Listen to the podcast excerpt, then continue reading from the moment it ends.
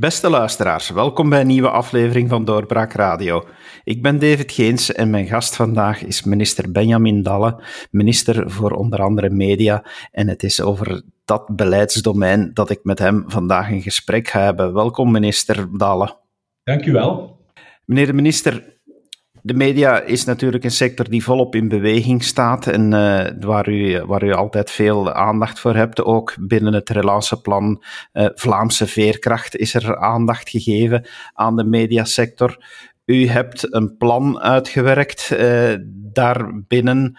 Misschien kan u best even zelf vertellen wat de speerpunten zijn van het relanceplan voor de media. Ja, misschien eerst even de filosofie ook daarachter aanhalen. We zitten in een bijzonder snel veranderend medialandschap. We hebben in, uh, in Vlaanderen ook heel sterke mediabedrijven, een krachtige openbare omroep, grote spelers die ook in het buitenland actief zijn, en ook een heel divers landschap met, wat, met ook kleinere spelers die, die een heel mooi aanbod hebben. En ehm, de bedoeling moet zijn dat die spelers die vandaag een, een, sterk aanbod hebben, vandaag veel gelezen en bekeken worden en beluisterd worden, dat die dat ook binnen vijf, binnen tien jaar kunnen doen. En uh, in een zeer uitdagende internationale context, in een steeds meer digitale omgeving, hebben we daarvoor de mediasector willen, uh, willen ondersteunen. We hebben uh, verschillende lijnen, zes projectlijnen in totaal, met een totaal ondersteuningsbedrag vanuit Vlaamse Veerkracht van 35 miljoen euro. Ik zal misschien kort door die verschillende punten gaan, als dat voor u goed is. Dat is prima. Over het, een, willen we werken aan een crossmediaal multiplatform meetsysteem. Waarover gaat dat? We stellen natuurlijk vast dat de mediabedrijven steeds meer actief worden op, op, verschillende, op verschillende plaatsen. Bijvoorbeeld kranten zijn niet alleen te lezen op krant op papier, maar gaan ook uh, digitaal werken, uiteraard met digitale abonnementen, digitaal aanbod ook met, met applicaties, digitale applicaties. Maar gaan vaak ook audio, gaan vaak ook video uitspelen. Hetzelfde geldt voor televisiebedrijven, die doen al lang niet meer gewoon televisie. Die werken ook online, die gaan ook met audio werken, ook met applicaties en dergelijke meer. En ook in de radiosector is dat het geval. En uh, als je daar echt wil op inspelen, dan moet je ook natuurlijk weten wat je bereik is bij uh, de Vlaamse mediagebruiker. Moet je ook weten hoe je die Vlaamse mediagebruiker nog beter kan bedienen. Vandaag hebben we een eerder voorbijgestreefd een oud systeem van de SIM, uh, kijk- en luistercijfers, die eigenlijk het kijkgedrag op de televisie gaan nagaan, met die bakjes die sommige mensen thuis hebben in het gezin. Wij willen echt werken aan een systeem dat echt kan meten wat het uh, effectieve mediagebruik is van, van, van de Vlaming niet alleen op televisie, maar ook online, ook via applicaties en dergelijke meer. Het voordeel is dat je dan ook veel gerichter kunt werken. Je hebt een veel betere kennis als mediabedrijf van waar de, de Vlaming actief is, wat hij precies consulteert en op welke manier. Je kan dan bijvoorbeeld ook veel efficiënter reclamecampagnes aanbieden. Dus dat is een heel uh, duidelijke projectlijn die we ook samen met de verschillende betrokken mediaspelers zullen, zullen ontwikkelen. In totaal voorzien we daar 4 miljoen voor. Dat is ook voor het verdienmodel van heel wat spelers belangrijk. Kijk bijvoorbeeld naar de regionale omroepen. Die, die zitten, zijn soms een beetje nog niet, zijn nog niet altijd helemaal mee met die digitale omschakeling. En dat komt ook doordat zij door de teledistributie, door de telecombedrijven, vergoed worden op basis van kijk- en luistercijfers die natuurlijk puur op basis van lineaire televisie werken. En uh, dat is voor hen eigenlijk een ja, bijna een negatieve incentive om, om, om niet al te veel toch van lineaire televisie weg te gaan. Hè. Dus dat is toch heel concreet. Tweede projectlijn gaat over de Media Hub. Wij willen eigenlijk dat de mediasector, zeker ook de televisieproductie, de audio- en videoproductie, dat die beschikken over een online cloud, een cloud systeem, maar niet beperkt tot één bedrijf, maar dat open staat voor alle mediabedrijven. Vandaag, alle grote spelers, ook de, ook de kleinere, werken wel met cloud systemen, al dan niet uh, uh, gekocht of gehuurd van, uh, van grote operatoren. Um, maar het probleem is dat dat zeer versnipperd is. En als je bijvoorbeeld ja, videofragmenten wil uitwisselen tussen bedrijven, dat dat niet vlot gaat. Met zo'n cloud systeem willen we de bedrijven, en, maar kan ook breder gaan, dat bedrijven, ook scholen kunnen daarbij betrokken worden, ook, ook niet-mediabedrijven kunnen daarbij betrokken worden.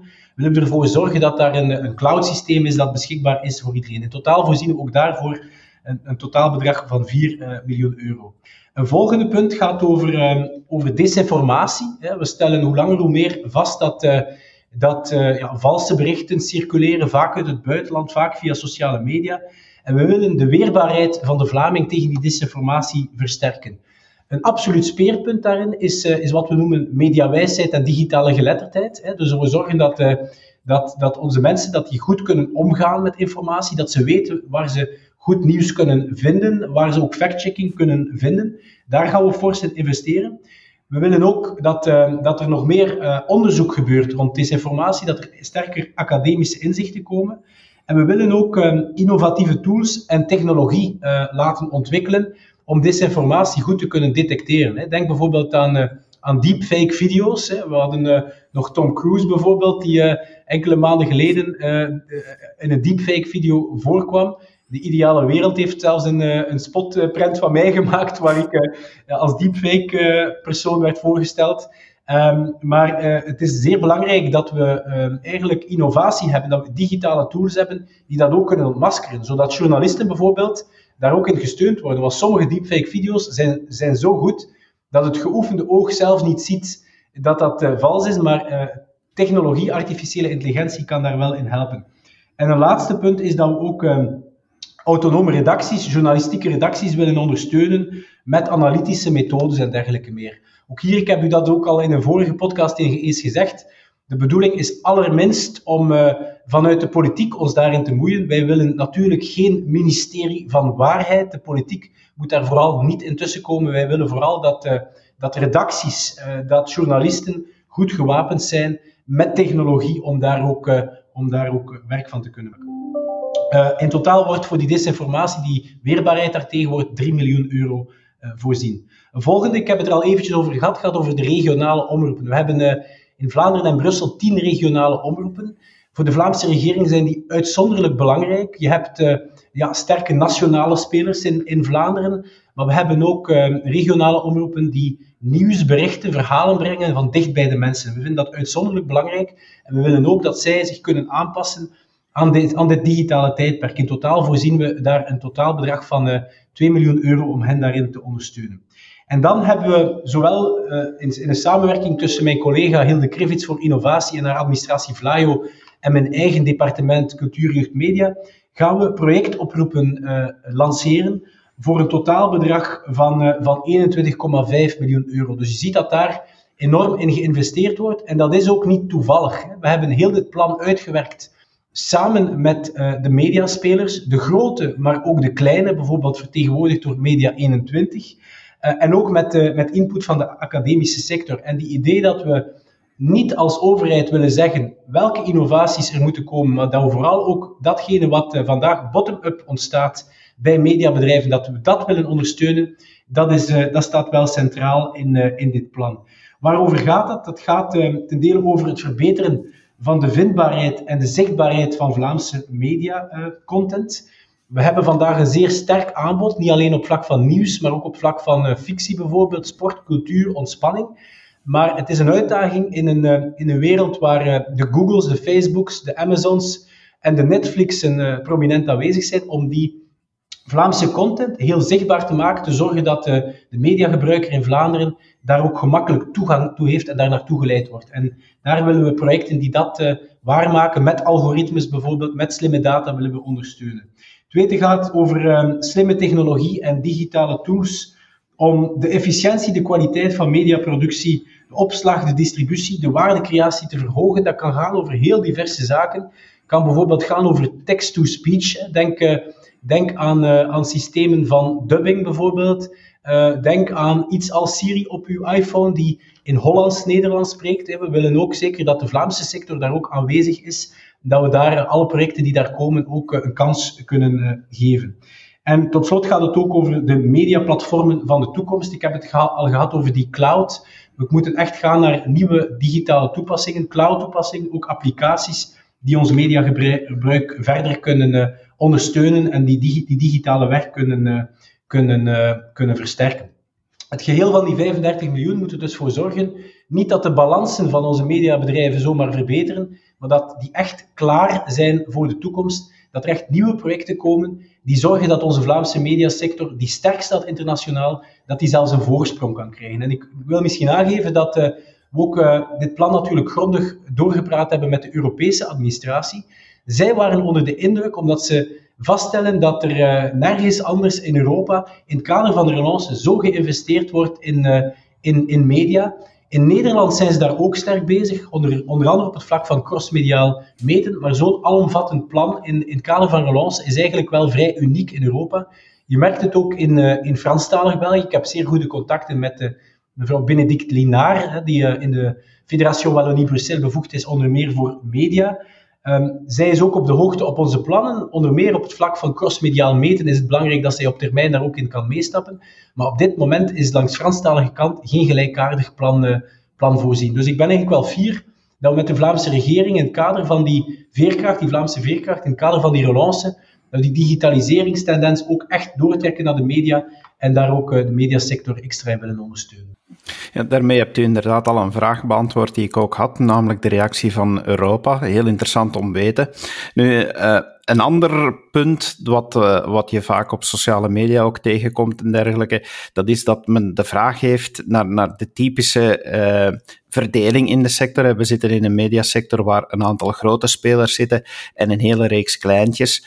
Um, die kleintjes die hebben soms de schrik dat het moeilijk gaat worden om in een projectoproep om, daar, om daaraan kunnen mee te doen. Een projectoproep vergt nu eenmaal ook uh, extra werk om, uh, om, om zulke ja, uh, dossiers samen te stellen. Gaat, gaat daar specifiek naar gekeken worden om, om tot een verdeling te komen of tot, tot een systeem te komen dat de kleine spelers ook kunnen uh, meerekenen op, op dit plan, op deze relanceplannen? Ja, dat is, eh, dat is zeker het geval. Hè. Dus voor elk van de, van de projectlijnen hebben zij ook de kans om mee te werken. We zijn daar zeer open in. Als kleine spelers bijvoorbeeld geïnteresseerd zijn, ik zeg maar iets in de Media Hub, dan mogen zij aansluiten, kunnen zij ook samenwerken in, in het consortium die daarvoor zal opgericht worden, maar heel specifiek ook in die projectoproep, hè, die 21,5 miljoen euro, zal er een onderscheid gemaakt worden tussen een projectlijn uh, gericht op grootschalige projecten, want die zijn ook wel belangrijk, en ook een projectlijn gericht op kleinere uh, projecten. En dat is net uh, ingesteld, dat gaan we net doen, zeker ook om kleinere mediaspelers een kans te geven om, om ook te kunnen rekenen op, op ondersteuning om die digitale omslag ook te maken.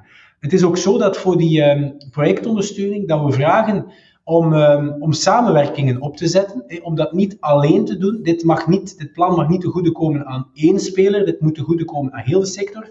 En dat betekent dat we vragen om, uh, om projecten in te dienen met verschillende spelers. Voor de grootschalige projecten vragen we daar de samenwerking van vier relevante partners.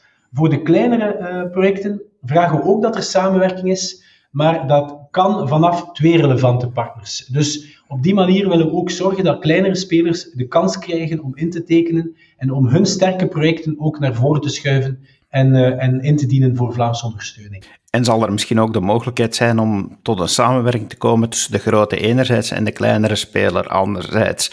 Uh, die samenwerking gaat ook bevorderd worden.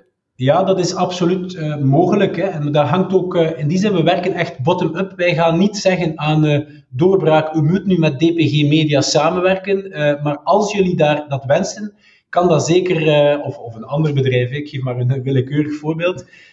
maar elke, elk voorstel kan daar komen en het zal vooral zaak zijn om ook onder de mediaspelers daar de, de nodige netwerken, de verbanden te leggen. En dan zullen wij dat ook honoreren als dat sterke projecten zijn die toekomstgericht zijn. Ja, want eh, bijvoorbeeld het, eh, het eerste wat u vermeldde, het meetsysteem, eh, zeer interessant. Natuurlijk een meetsysteem eh, voor, voor diverse platformen. Dat kan ook eh, iets heel ingewikkeld worden. Zal er zal er gevraagd worden aan diegenen die dat erop intekenen en die ermee aan de slag gaan, om het ook zodanig te ontwerpen dat het, dat het heel breed inzetbaar wordt, dat het, dat het bruikbaar wordt voor een hele verscheidenheid aan spelers in de mediasector?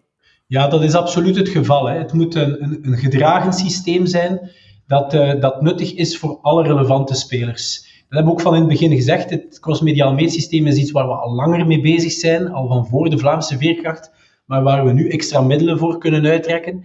En de bedoeling is, is dat het inderdaad mediabreed over alle mediabedrijven gedragen is, zodat het nuttig is, niet alleen bijvoorbeeld voor regionale omroepen, niet alleen bijvoorbeeld voor de grote nationale spelers, maar ook, ook voor iedereen die denkt daar voordeel bij te kunnen halen. Ik, ik zie ook een grote toekomst voor, voor ehm, ja, gezamenlijke reclame campagnes, gezamenlijke methodes om reclame aan te bieden. Vandaag is dat landschap vrij versnipperd. Het is ook niet zo, um, hoe zou ik het zeggen, uh, fact-based hoe men dat aanbiedt aan, uh, aan de klant. Ik kan niet in groot detail zeggen wat het bereik is op de verschillende media.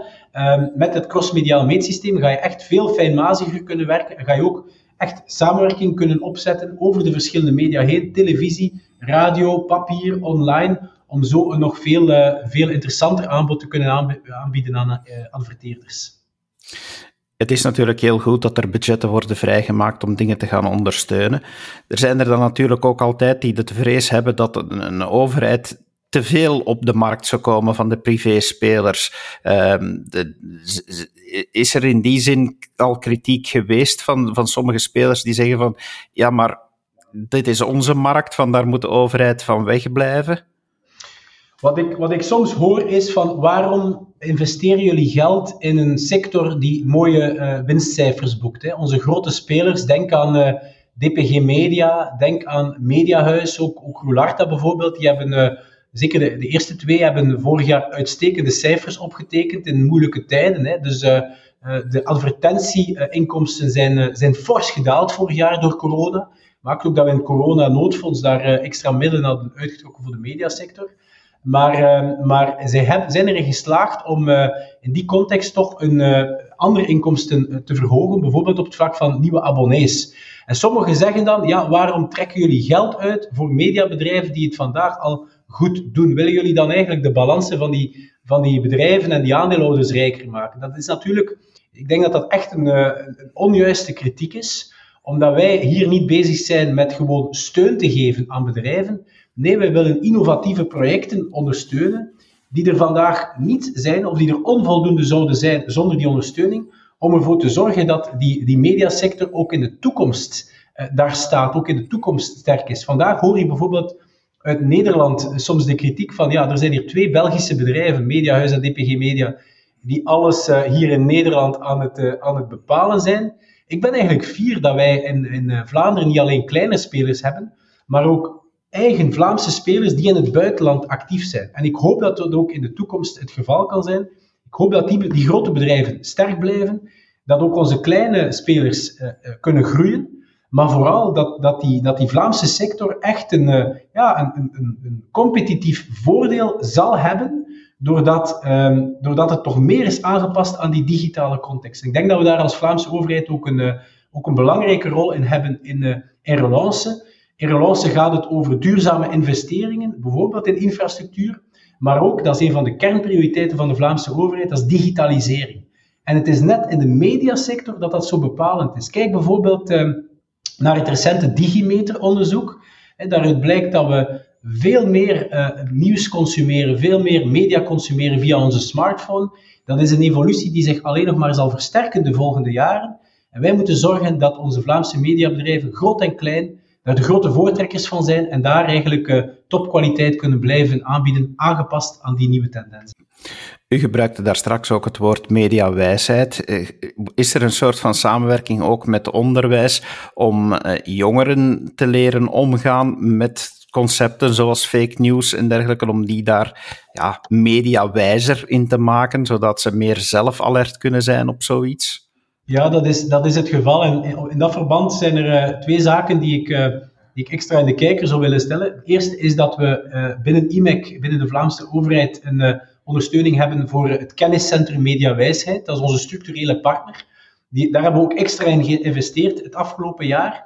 En zij hebben met de verschillende sectoren, want mediawijsheid is natuurlijk belangrijk voor, voor alle leeftijden, voor jong en oud, maar ze hebben ook met onderwijs sterke samenwerkingen er is ook in, eh, in, in partnership met, uh, met de VRT zijn er eduboxen die ontwikkeld worden, die eigenlijk voor interessante pakketten zijn voor leraars om uh, les te geven.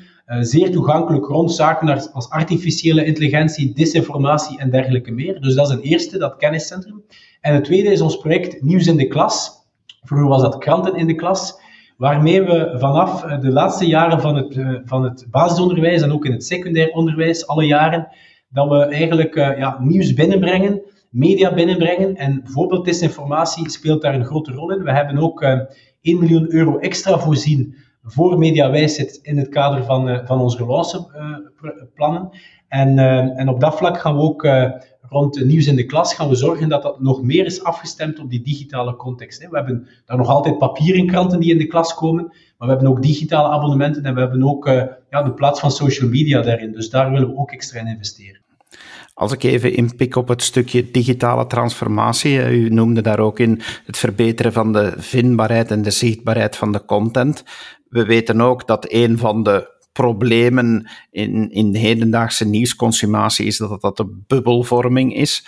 Hoopt u dat er projecten zullen komen die net daar rekening mee houden en daar, daar werk zullen van maken dat, dat in vindbaarheid en in zichtbaarheid de informatie zodanig gaat ontsloten worden dat informatiebubbels gaan doorbroken worden?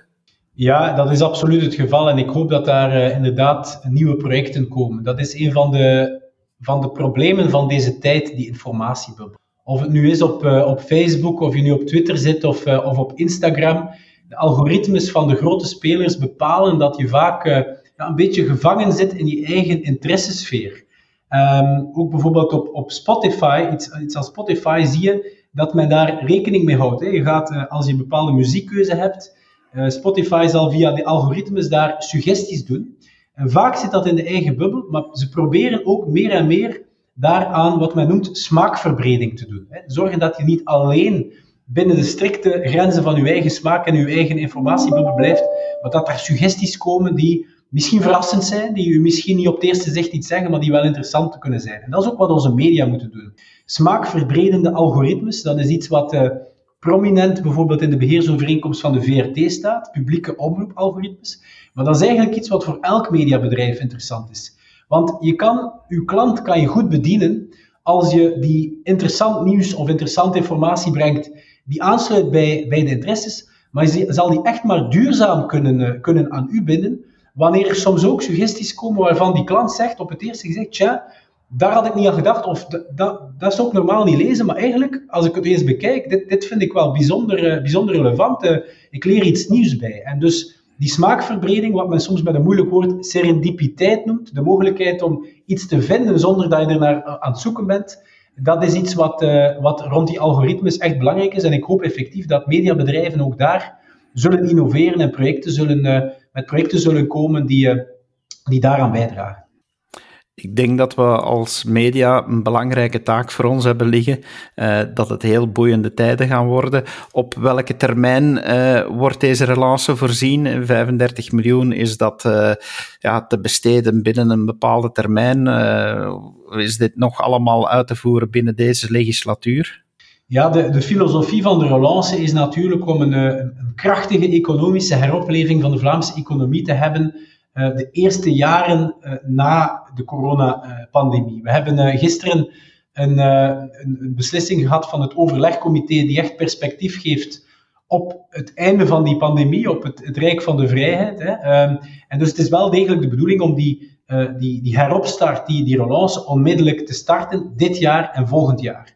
Tuurlijk, wat de uitvoering betreft, ja, sommige van die projecten zullen misschien over tien jaar lopen, maar wij willen vooral investeren in die opstart, de eerste jaren, tussen nu en het einde van de legislatuur, maar toch met een echte, echte krachtige uh, opstart dit jaar en volgend jaar. Uh, en we rekenen erop dat dat dan ook duurzame effecten kunnen hebben, want dit zijn natuurlijk eenmalige middelen. Dat betekent dat we de mediasector ondersteunen voor bepaalde technologieontwikkeling, maar dat de, de, de recurrente, de terugkomende kosten wel uiteindelijk gedragen zullen moeten worden door de sector uh, sector zelf, uiteindelijk, u heeft er al naar verwezen, we willen als overheid niet in de plaats komen van, uh, van mediabedrijven. We willen zeker ook niet uh, mediabedrijven structureel aan subsidies verbinden. Ik denk dat dat ook de kracht is van onze mediasector in Vlaanderen.